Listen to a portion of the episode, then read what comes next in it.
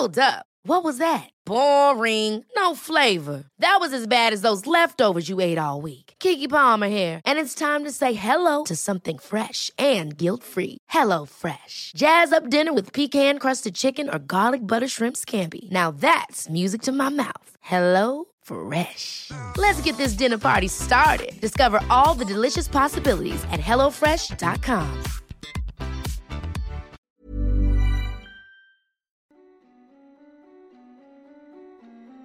Hej och välkommen till Skräckstunden. En podcast för dig som älskar skräck.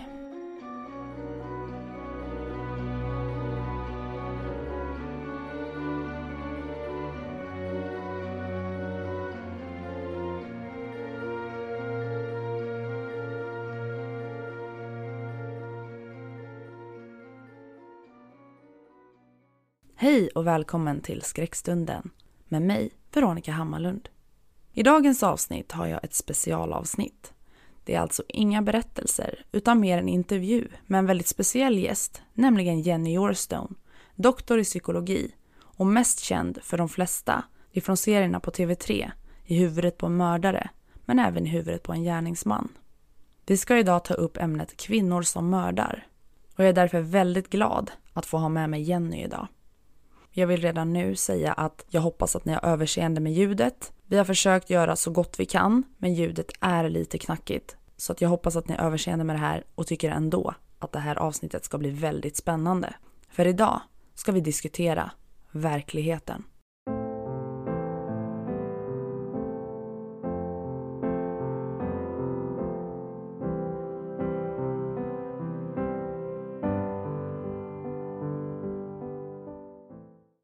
Jenny och välkommen hit. Hej! Hej, vad kul att du ville vara med. Tack för att jag får vara med.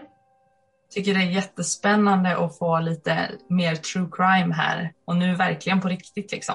Ja, Vi har ju bestämt kvinnor som mördar som tema. Vad var det som gjorde att vi kom fram till att vi skulle ha det?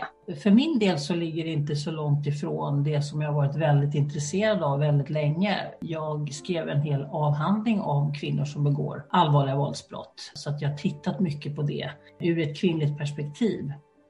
Ja, men det är ju väldigt spännande och sen är det ju också mer ovanligt än just män som mördar då.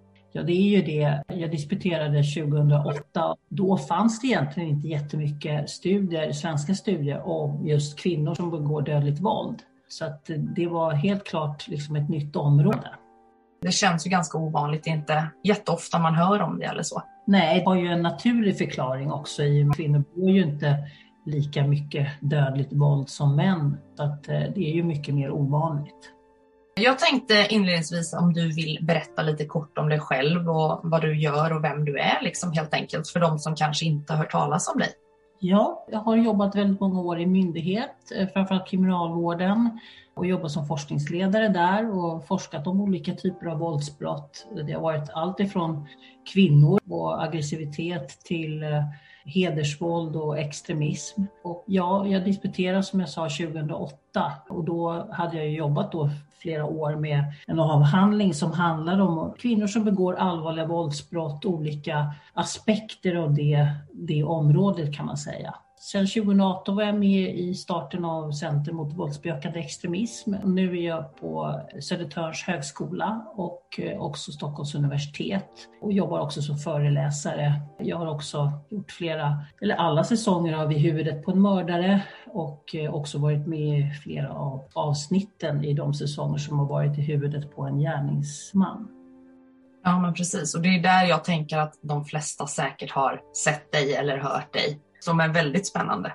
Det finns ju lite myter om just kvinnor som mördar. Vad skulle du säga att det är för myter? Kanske vi kan spräcka några av dem? Ja, man kan säga att de bilder vi har av kvinnor som, som död är ju de bilder vi får i media. Många gånger så är det ju ganska spektakulära brott som blåses upp i media kan man säga. Och man kan dela in dem i mad or bad och Mad så är de ju då alltså sjuka, otillräkneliga på något vis. Eller så är de bad och då är de egentligen bara onda. Så har till exempel Schürrerfallet, hon var ju egentligen bara ond. Hon var ju dessutom tyska. Och sen har vi till exempel Knutbyfallet, Sara Svensson, som då eh, så att säga, betraktades som eh, allvarligt psykiskt störd när hon begick brottet.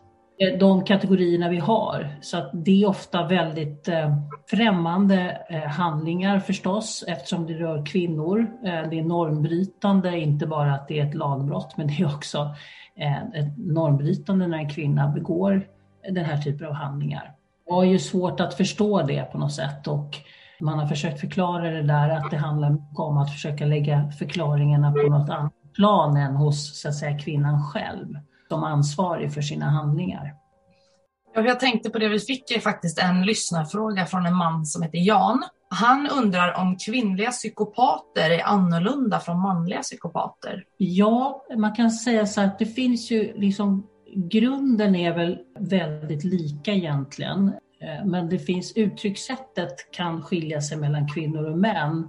Och man brukar så här grovhugget säga att kvinnor använder sig mer till exempel av sin sexualitet för att få någon form av vinning av något slag. Så att kvinnor, kvinnliga psykopater kan vara väldigt manipulativa, ganska labila personer och också utagerande mot sig själv, så självskadebeteende och så vidare. Medan manliga psykopater kanske då agerar ut på ett annat sätt. Men det är egentligen aggressivitet också i botten hos båda så att säga, fast det manifesteras på olika sätt. Jag har ju ändå lite uppfattningen av att kvinnor ofta är mer emotionella.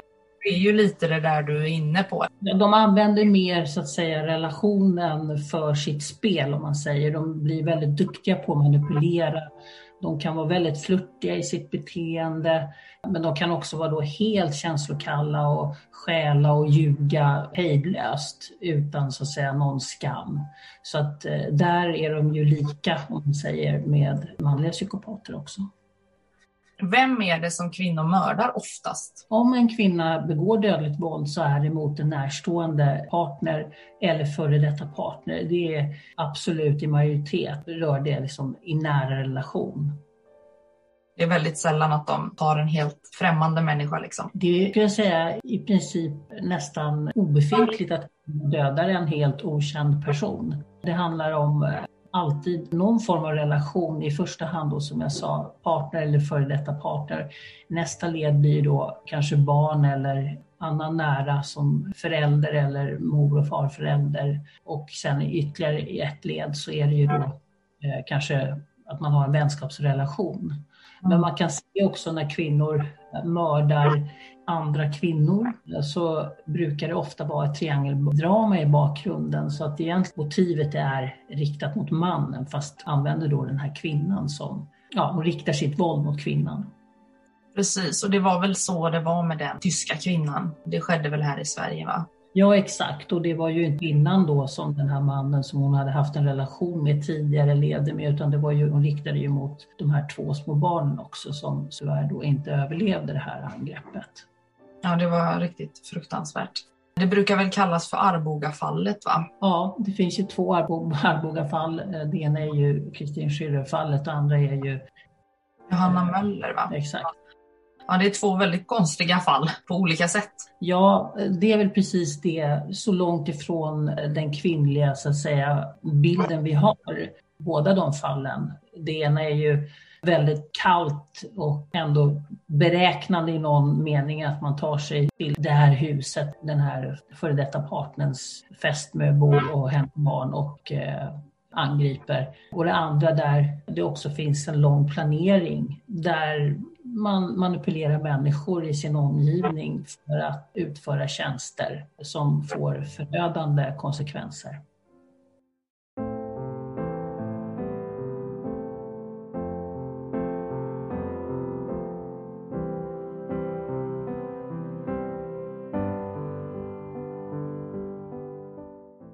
Finns det något sätt som, som kvinnor dödar på vanligast? Vilket är det vanligaste sättet? För att det känns som att det är ovanligt att de just använder skjutvapen och sådär. Nej, det vanligaste är ju kniv och det gäller ju både män och kvinnor. Det är det vanligaste eh, så att säga, mordvapnet. Sen kan ju kvinnor också använda skjutvapen och eh, kan använda andra metoder också. Men det finns inte egentligen något kvinnligt sätt att döda på. Det är väl också en myt att kvinnor kan också både begå väldigt bestialiska brott men också använda olika typer av vapen. Men självklart så är det så att det är väldigt, väldigt mycket ovanligare. Okej, okay. jag vet att det finns något fall man har läst om där det har varit något giftmord eller så. Ja, nej det är ju ytterst, ytterst sällsynt och det gör ju att när man ska, det beror ju på hur man räknar, man ska jämföra då. Eh, dels så, så är ju kvinnor mycket, mycket mer sällsynt att kvinnor begår dödligt våld. Så de få fallen, så ja det kan vara så att det kanske finns en liten ökad sannolikhet att det är en kvinna som, som använder den metoden. Men det är svårt att säkerställa statistiskt eftersom det är väldigt få fall. Vilken skulle du säga är den värsta kvinnliga gärningsmannen eller brottslingen genom tiderna enligt dig? Ja, det, jag har ju säkert inte koll på alla, men jag skulle ändå nämna Elisabeth Bathory som eh, levde under 1500-talet och var grevinna. Hon brukar kallas för Blood Countess. Och det sägs då att hon har mördat kanske ända upp till 600 framförallt unga kvinnor. Sen är ju de här källorna lite, man säger, inte helt pålitliga. Men eh, det har gjorts försök att titta på dem och med säkerhet så att hon har mördat väldigt många personer och hon har använt sig av sina tjänare då för att kunna utföra det här. Hon var också väldigt sadistisk så att hon eh, torterade de här offren på olika sätt. Och själva så skrönan är att hon skulle ha då fått blod på handen vid något tillfälle av någon ung tjänarinna som ja, borstar hennes hår eller någonting. Och, eh, då föll den här droppen ner på handen och när hon torkade av den så tyckte hon att skinnet blev lite slätare och så vidare. Hon var väldigt intresserad av sitt utseende och eh, ville väl vara ung och vacker. Så att där föddes idén då till att hon skulle tappa de här unga möna på blod och bada i det här blodet så att hon då skulle kunna behållas evig ungdom.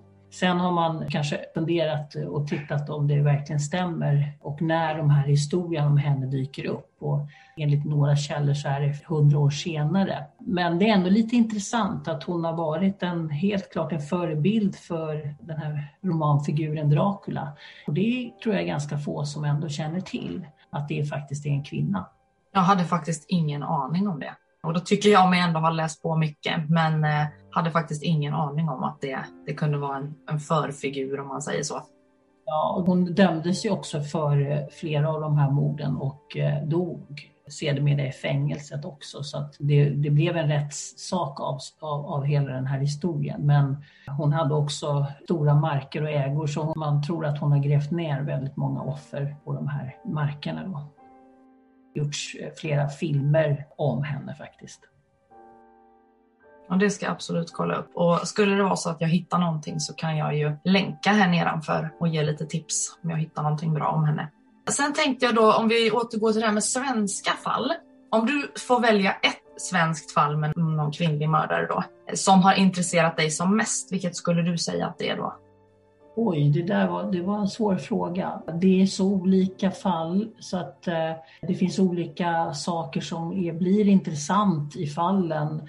Det är alltid intressant att se hur människor kan hamna i den här situationen. Jag kan säga mycket av det arbete som jag gjorde med min avhandling mynnar ut i att liksom bilden av den kvinnliga mördaren blir ju liksom lite annorlunda än den vi får via media. Det, det är ofta väldigt trasiga människor som har eh, genomgått svåra saker under hela uppväxten.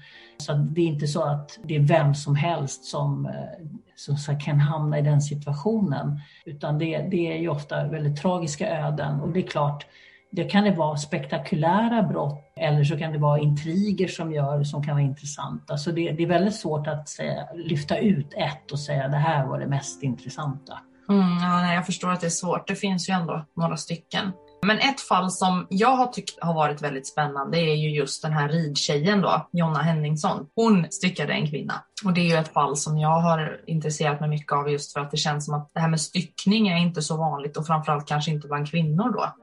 Jo, men det är väl också ett sånt fall som är helt egentligen osannolikt. Statistiskt sett så finns hon inte överhuvudtaget skulle jag säga. Här har vi en tjej som är ung och eh, har varit väldigt duktig i skolan, väldigt omtyckt, populär och eh, lite den här roliga tjejen som alltid också har liksom bra betyg och gör bra ifrån sig. Eh, men som så att säga har en mörk sida någonstans som leder fram till att det kan faktiskt bli ett sånt fruktansvärt bestialiskt brott som, som det, det är. Eh, så det är ju helt osannolikt. Så det är klart att där, där förundras man ju verkligen. Och där var det ju just ett triangeldrama där man kan säga hon var väldigt förälskad i den här mannen och de två tjejerna rivaliserade kring honom. Och, eh, det blev väl så att hon insåg att hon blev så att säga bortvald. Det var det som kanske utlöste att hon kunde inte liksom hantera den situationen och började må väldigt mycket sämre också. Sen skapades ju också fantasier kring hur skulle det vara om den här personen bara inte fanns. Att det skulle vara egentligen den bästa lösningen. Och, eh, ett sätt då är ju faktiskt att döda personen för då finns den ju inte. Så att hon eh, tänkte ut en ganska ond plan skulle jag säga. Så hon hade ju egentligen från början en plan att hon skulle göra den här kvinnan och henne på något sätt i huvudet så hon blev medvetslös och sen ta henne till eh, ett spår och lägga henne på spåret och och då innan injicera alkohol så att hon skulle, det skulle se ut att hon hade lagt sig eller hamnat framför tåget då.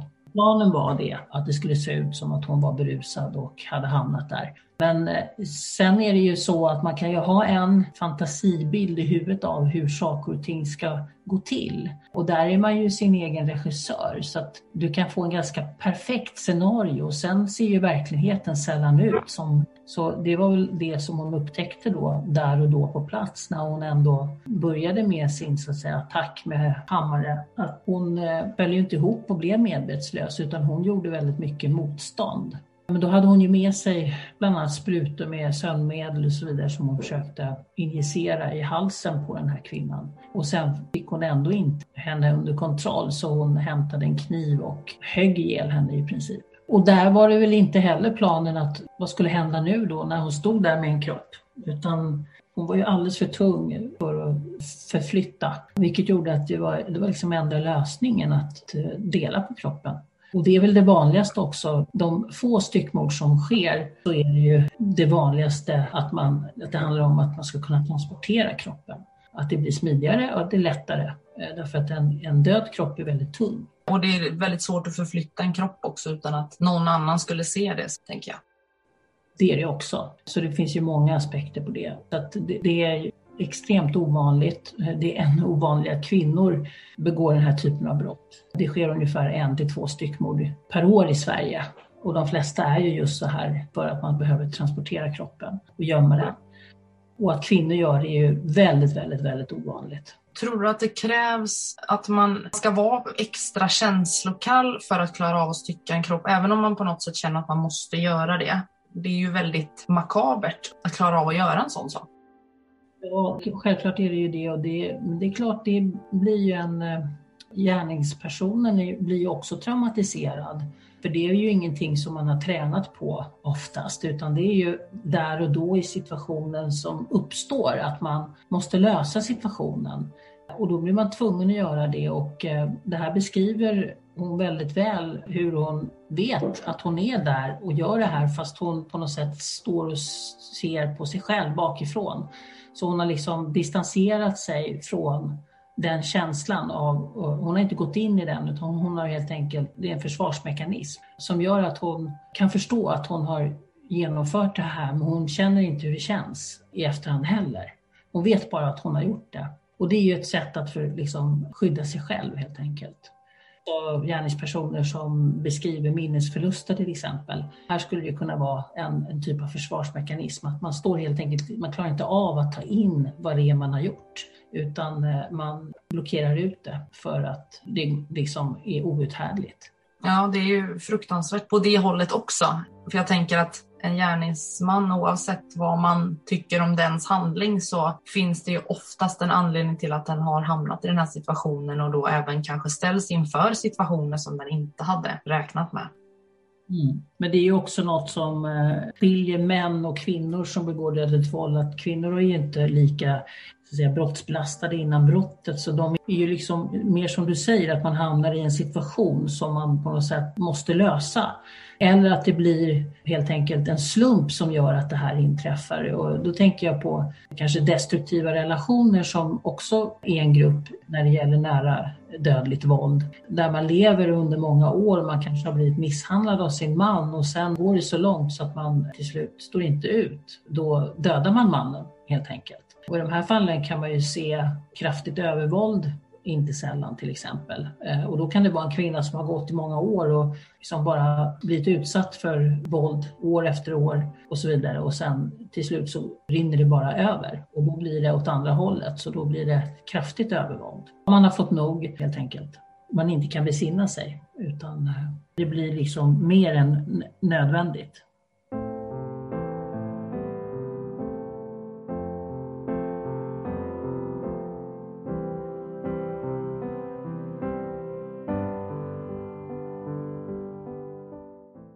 Jag tänkte på det om man jämför då en, en kvinnlig mördare och en manlig mördare. Eh, när de väl blir gripna, brukar det skilja sig på något sätt i just förhör och så? Brukar kvinnor kanske erkänna snabbare eller hur hanterar de när de väl har blivit upptäckta så att säga?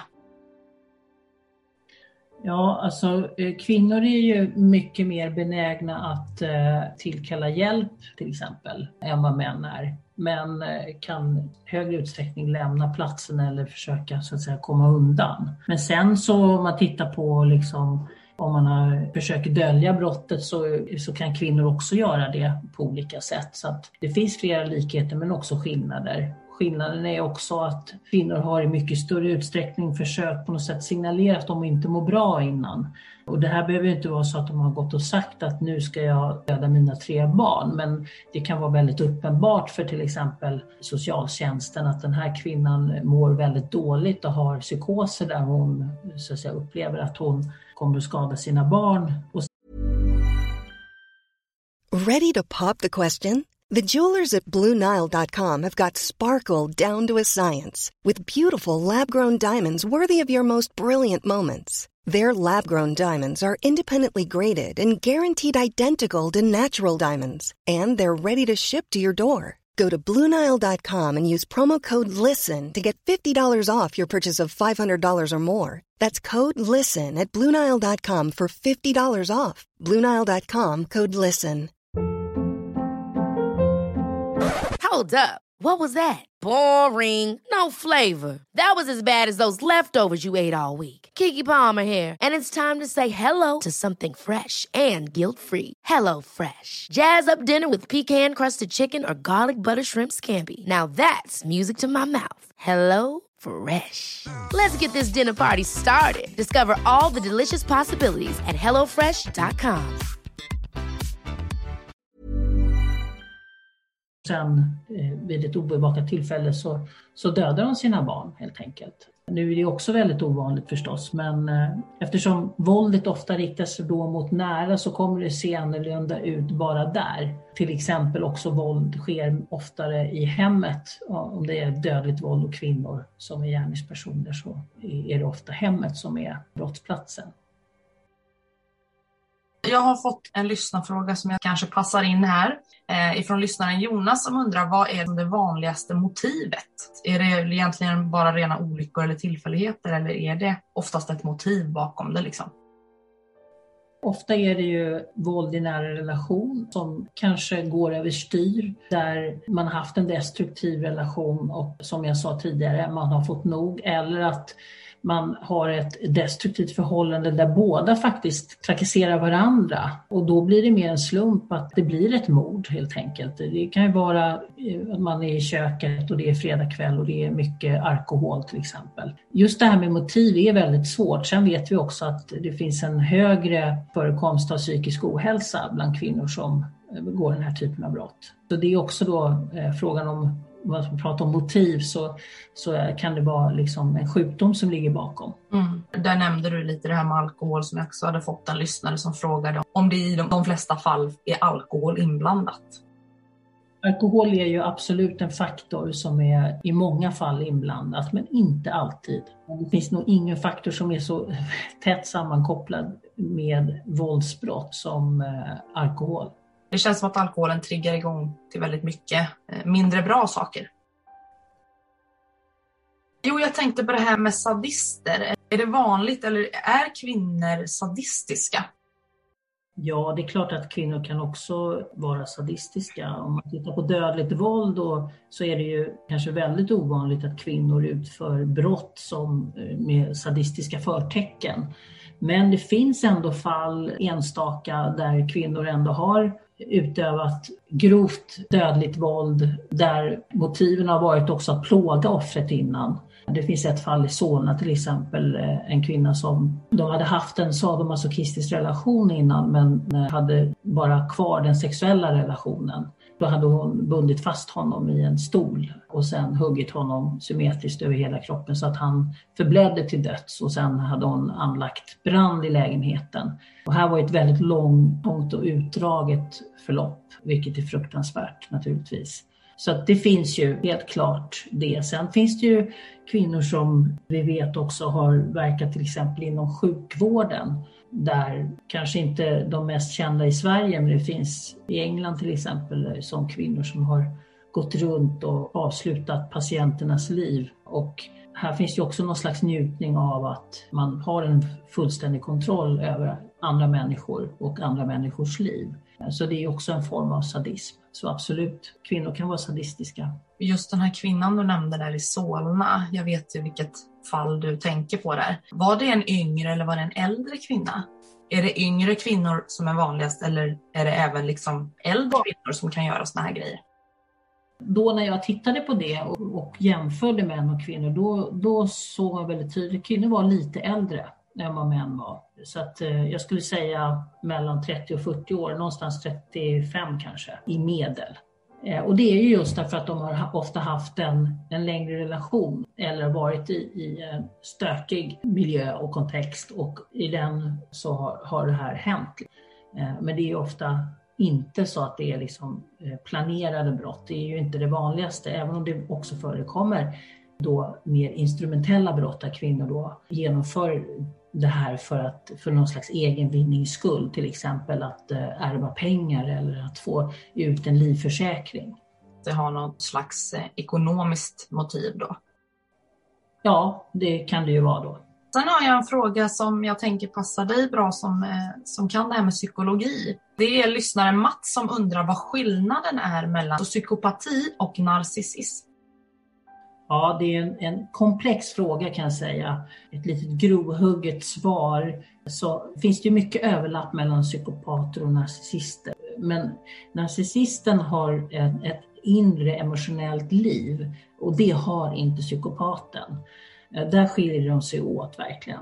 Och psykopaten har ju drag eh, i sin personlighet som underlättar för kriminalitet. Så de är ju ofta då kriminella och det kan ju vara allt att de är liksom helt okänsliga, de saknar skuld, de kan skada andra utan att på något sätt känna någonting. Och de blir ofta inte deprimerade, de är inte heller känsliga för till exempel straff.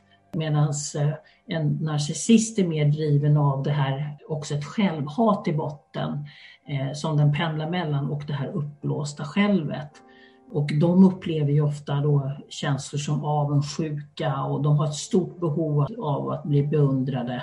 De går också omkring och tror att de är helt unika. Och så här. Och det här kan ju finnas drag också hos psykopaten eh, av det här slaget, det här grandiosa. Men den stora skillnaden är väl i alla fall det här inre livet, att det finns ändå hos en, en narcissist. Den kämpar ju hela tiden mot sitt självhat. Det finns ju en, en otroligt låg självkänsla i botten. Medan psykopaten är mer som ett skal, men väldigt duktig på att eh, spela en personlighet. Ja, precis. Så man kan säga egentligen att en psykopat då är väldigt empatilös och en narcissist har ett stort ego egentligen. Bryr sig väldigt mycket om sin egen existens. Helt upptagen av sig själv eh, och den använder, likt psykopaten också, att man använder andra för, för egen vinnings skull.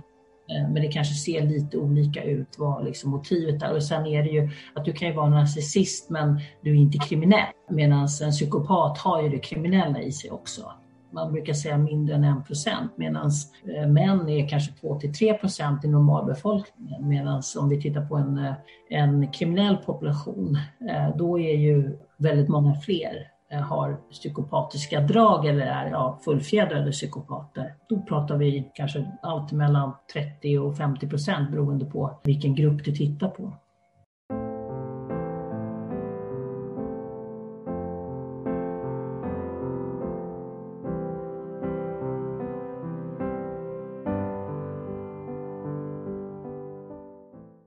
Rent generellt då, hur ser det ut med kvinnor och dödligt våld? Av de konstaterade fall av dödligt våld i Sverige som sker 2020 var det 124 fall.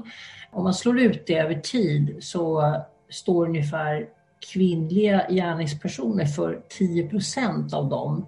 Och det här kommer ju att göra skillnad lite från år till år beroende på att de är väldigt få. Så att eh, bara en ökning med tre personer kommer att ge ganska stora eh, så att säga, effekter. Men om man slår ut det över tid så kan man se att det här mönstret, det kan man se ända tillbaka till 1800-talet faktiskt. Att kvinnor står ungefär för 10 procent av det dödliga våldet i Sverige. Oj, det var faktiskt ändå en större procent än vad jag kunde tro eller tänka mig. Nej, men som jag säger, vissa år är det ju då kanske bara 7 procent eller 5 procent och sen blir det 13 procent. Så det, det ser lite olika ut år från år men över tid så är det ungefär 10 procent. Det finns ju ett fall som eh, kallas mordet i Långshyttan som jag tycker är lite spännande just för att där är ju både kvinnor och män, flera personer inblandade. Skulle du kunna berätta lite mer om det fallet? Jo, men det som är utmärkande i det fallet är ju att dels är det ju en väldigt udda grupp av personer åldersmässigt, också lite personer som lever i utkanten av samhället och som på något sätt har funnit varandra i det här. Och här fanns det då en, en ung tjej som eh, också hade så att säga vuxit upp med väldigt mycket mobbing och utanförskap.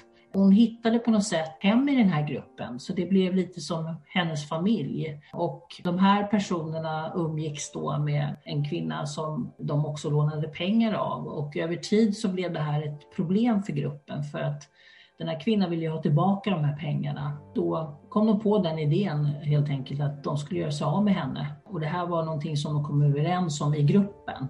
Och varför det är intressant det här är att dels genomför det här brottet tillsammans. De sitter i en bil och har då lurat in kvinnan eh, som tror att hon ska eh, åka på en grillfest och de stryper henne i den här bilen. Och alla är så att säga med på det här. Men innan det här brottet sker så kommer den här unga tjejen att lämna gruppen av någon anledning men också skriva till gruppen, smsa och meddela sig att hon vill komma tillbaka, hon vill vara med. Så att, alltså, hennes drivkraft var så stark att få vara med i den här gruppen om det här stora som skulle ske.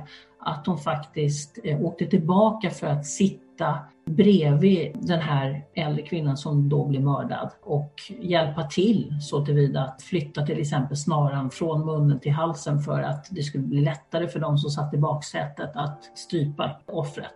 Och det är otroligt tragiskt, fruktansvärt brott och eh, också tragiskt ur den synvinkeln att det rör en ung människa som på något sätt eh, har hamnat i ett utanförskap och också skattar det så högt så att man till och med så att säga, väljer att åka tillbaka för att få vara med och döda en annan person. Och det visar ju verkligen hur ofantligt stort det här med grupptryck är och hur allvarligt det kan, faktiskt kan bli.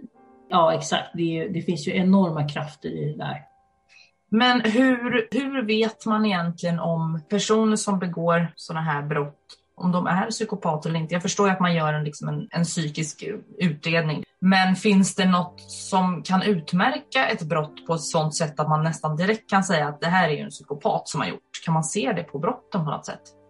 Nej, men man, kanske man, man kan ana det i vissa typer av brott. Jag tänker de här mer kalkylerade brotten där vi säger att eh, man kanske giftmörda någon under längre tid och man har motivet egentligen att få ut en livförsäkring eller något liknande, att få någon slags större egen vinning, det är ju extremt manipulativt, beräknande, kallhamrat och också du, det kräver sin person och där kan man ju absolut ana att det skulle kunna vara sånt eh, som ligger bakom helt enkelt, att man har drag till exempel. Sen finns det ju andra saker som också kan vara, det kan ju vara allt ifrån ett missbruk till psykisk ohälsa av annan eh, sort helt enkelt som gör att, att det blir så illa. Finns det någon statistik på hur stor procent utav Sveriges befolkning som är psykopater eller har psykopatiska drag? Ja, det är ju ungefär mindre än en procent eh, om man tittar på kvinnor då i normalpopulationen. Det finns lite olika uppskattningar, men ungefär 3 till 4 procent när det gäller män. Men sen som jag sa tidigare så är det ju kriminell, alltså, kriminella populationer, där är ju procenten betydligt högre. Där pratar vi om, beroende på vilken eh, population man tittar på, att det kan vara allt mellan 30 till 50, kanske till och med ännu mer procent när kvinnor begår brott så kan de också begå väldigt bestialiska handlingar som är helt främmande för oss. Och att det just är en kvinna är väl det som gör att vi fascineras så. Vi vill gärna förstå, för det handlar väldigt mycket om att man vill förstå. Det finns något extra i det där att när kvinnor begår så grova handlingar. Det är ju någonting, i och med att det är så ovanligt så blir det ju lite mer spännande på något sätt och intressant. Det är så långt ifrån den kvinnliga normen som man kan komma att begå ett grovt våldsbrott. Det finns ju redan i den manliga normen att ja, män kan faktiskt begå de här typerna av handlingar, det vet vi. Det spelar ju ingen roll vilken del av världen vi befinner oss i så, så kommer män begå mer våldsbrott än vad kvinnor gör. Men när kvinnor då gör det så då blir vi så, då måste vi förstå det. Och där har man ju verkligen försökt att förklara det som jag var inne på tidigare. Att man försöker förklara det med att, att man ofta lagt det utanför kvinnan, att det beror på omständigheter utanför kvinnan, att hon inte på något sätt är ansvarig själv. Och det kan man också fundera kring. Det handlar ju också om att kvinnor måste ha rätt, eh, hon har rätt till sin egen aggressivitet. Alltså att en kvinna kan också vara arg och våldsam. Men vi vet ju också att kvinnor, när de är det, så kommer de också uppfattas på ett helt annat sätt än om en man är det. Ja, ibland så känns det lite som att normen säger att kvinnor ska vara på ett speciellt sätt. De ska vara ansvarsfulla, de ska vara kanske känslomässiga, men bara en sån sak som att normen säger att en man ska inte gråta, men en kvinna har en annan rätt till det på något sätt. Och det är ju väldigt mycket sådana normer som finns, hur man förväntas att vara beroende på vilket kön man är. Alla de här normerna som vi pratar om, de kommer ju också spilla över på till exempel alla personer som jobbar inom rättsväsendet så att, att det finns till exempel effekter av kön i eh, rättssystemet gör det ju absolut. Eh, och det har man ju liksom vetat det egentligen ganska länge, i princip sedan 40-talet då man liksom hade teorier om att kvinnor egentligen nu stämmer ju inte det, men då hade man teorier som sa att kvinnor begår egentligen lika många, mycket brott som män. Det är bara kvinnor är mycket duktigare på att dölja de här brotten. Och det här berodde bland annat på då eh, rättssystemet, att det fanns en chevaleresk attityd gentemot kvinnor, att man helt enkelt såg mer mellan fingrarna. Och det kan man tycka låter lite galet sådär, men samtidigt så finns det något korn av sanning i det också, för det har man sett på kvinnor som kommer in i kriminalvård, att de har kommit in mycket senare. Alltså att de har liksom inte fastnat i nätet om man säger tidigare, utan när de kommer in så är de i ett sämre skick mår sämre, har kommit längre i sitt missbruk och varit i flera destruktiva relationer och så vidare. Det finns ju också en bias, som man säger, även eh, bland personer som då ska egentligen vara professionella. Precis som det finns en bias när det gäller etnicitet. Ja, och jag har ju sett mycket när jag tittar på TV, både vad det som är fiktiva skrivna manus, om man säger så, eh, utav tv-serier och så vidare. Och sen så även sådana här verkliga, så, så ser jag ofta att när de ska börja utreda ett brott, då, i, i det här fallet mord, så är det väldigt ofta som de här utredarna till en början bara tar för givet att det är en man. Och det där jobbar man ju med så att man är ju medveten om det men det, vi har en bit kvar där ändå faktiskt. Finns det någon statistik på det hur många mord som, som begås i Sverige som inte klaras upp? Om du menar kalla fall, det är ju skillnad. Alltså att du kan vara försvinnande. Det försvinner ju ganska många människor i Sverige varje år. Konstaterade fall av dödligt våld, då är det, den statistiken är ju väldigt noggrann så att säga. Då är det alla som har, som har återfunnits där man kan konstatera att det, har, eh, det här har inte skett, det är ingen naturlig död. Och då, är, då kommer den in i den statistiken, så det har vi ju bra koll på. Sen kan det ju ske saker, eh, till exempel självmord eller det kanske personer försvinner som inte vet om det rör ett brott eller inte. Det, det beror lite på ja, vad man pratar om för statistik helt enkelt. Men pratar vi mörkertalet och dödligt våld, då, skulle, då är det de fall vi inte känner till eh, som är inte konstaterade dödligt våld. Ja, mörkertalet är ju så att säga det som inte kommer fram till den officiella statistiken. Mord är ju, eller dödligt våld är ju litet mörkertal i, i, om du jämför med till exempel stöld som, som någon stjäl en oxfilé på ICA. Det kanske inte alltid då kommer in i den officiella statistiken. Eller vi säger en, en dive. Det är ju en helt annan typ av brott. Men det är också sexualbrott. Nu har ju det blivit bättre säkert, men sexualbrott är också en sån som har ett stort mörkertal, att folk går inte och anmäler. Och det är ju den officiella statistiken som vi talar om i förhållande till det som vi inte ser. Alltså, man brukar liksom beskriva brottsligheten som ett isberg. Vi ser bara toppen på ett isberg och isberget ligger ju under ytan, så allt under ytan är ju mörkertalet. Och det är nog just vad det gäller sexualbrott skrämmande stort skulle jag tro, tyvärr. Ja, det har nog blivit bättre, men det är fortfarande så. Det är ju, om man säger en överfallsvåldtäkt kommer ju anmälas i de flesta fallen, medan kanske en våldtäkt innanför hemmets väggar eh, inte kommer att anmälas. Så att det, det ser också olika ut, det är liksom selektivt inom varje brott. Jag har väl en sista fråga avslutningsvis då innan vi rundar av dagens avsnitt. Och det är att jag är lite nyfiken på att veta hur det kommer sig att du har valt att göra just det här, det du gör. Ja, det är ju lite udda område kan man ju säga ändå. Men eh, jag tror att drivkraften handlar väldigt mycket om att förstå vad det är som gör att människor hamnar där de hamnar. Eh, och det kan man ju studera på massa olika sätt. Man kan ju titta på individnivå och studera fall, men man kan också titta på gruppnivå där man ser så säga, eh, kanske generella mönster eh, som kan leda fram till mera svar på hur ska vi så att säga förhindra att sådana här brott begås.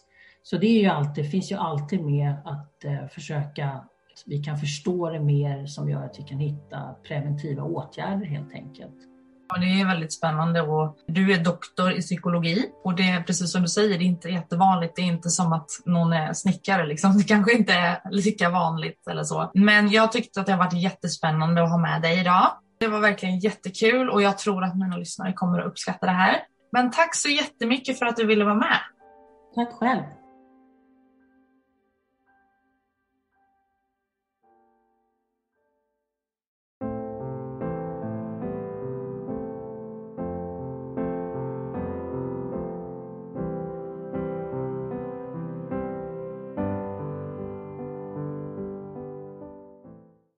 Extra tack till Jenny som idag ställde upp och var med i podden och berättade om sina erfarenheter och sina kunskaper inom just psykologi och kriminologi. Så tack Jenny!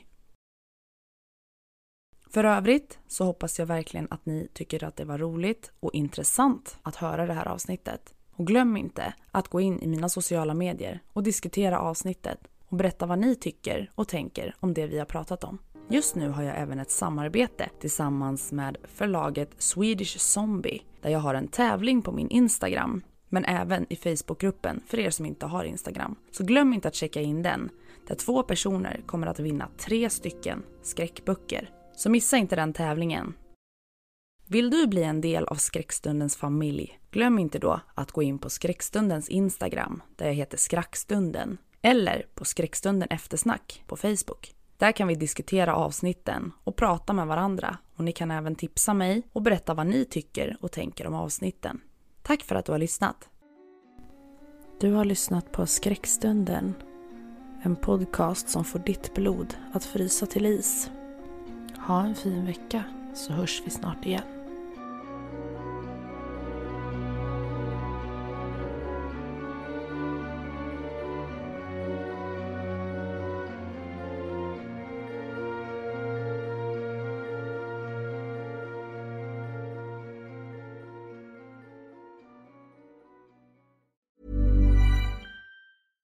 Ever catch yourself eating the same flavorless dinner three days in a row? Dreaming of something better? Well, HelloFresh is your guilt-free dream come true, baby. It's me, Kiki Palmer.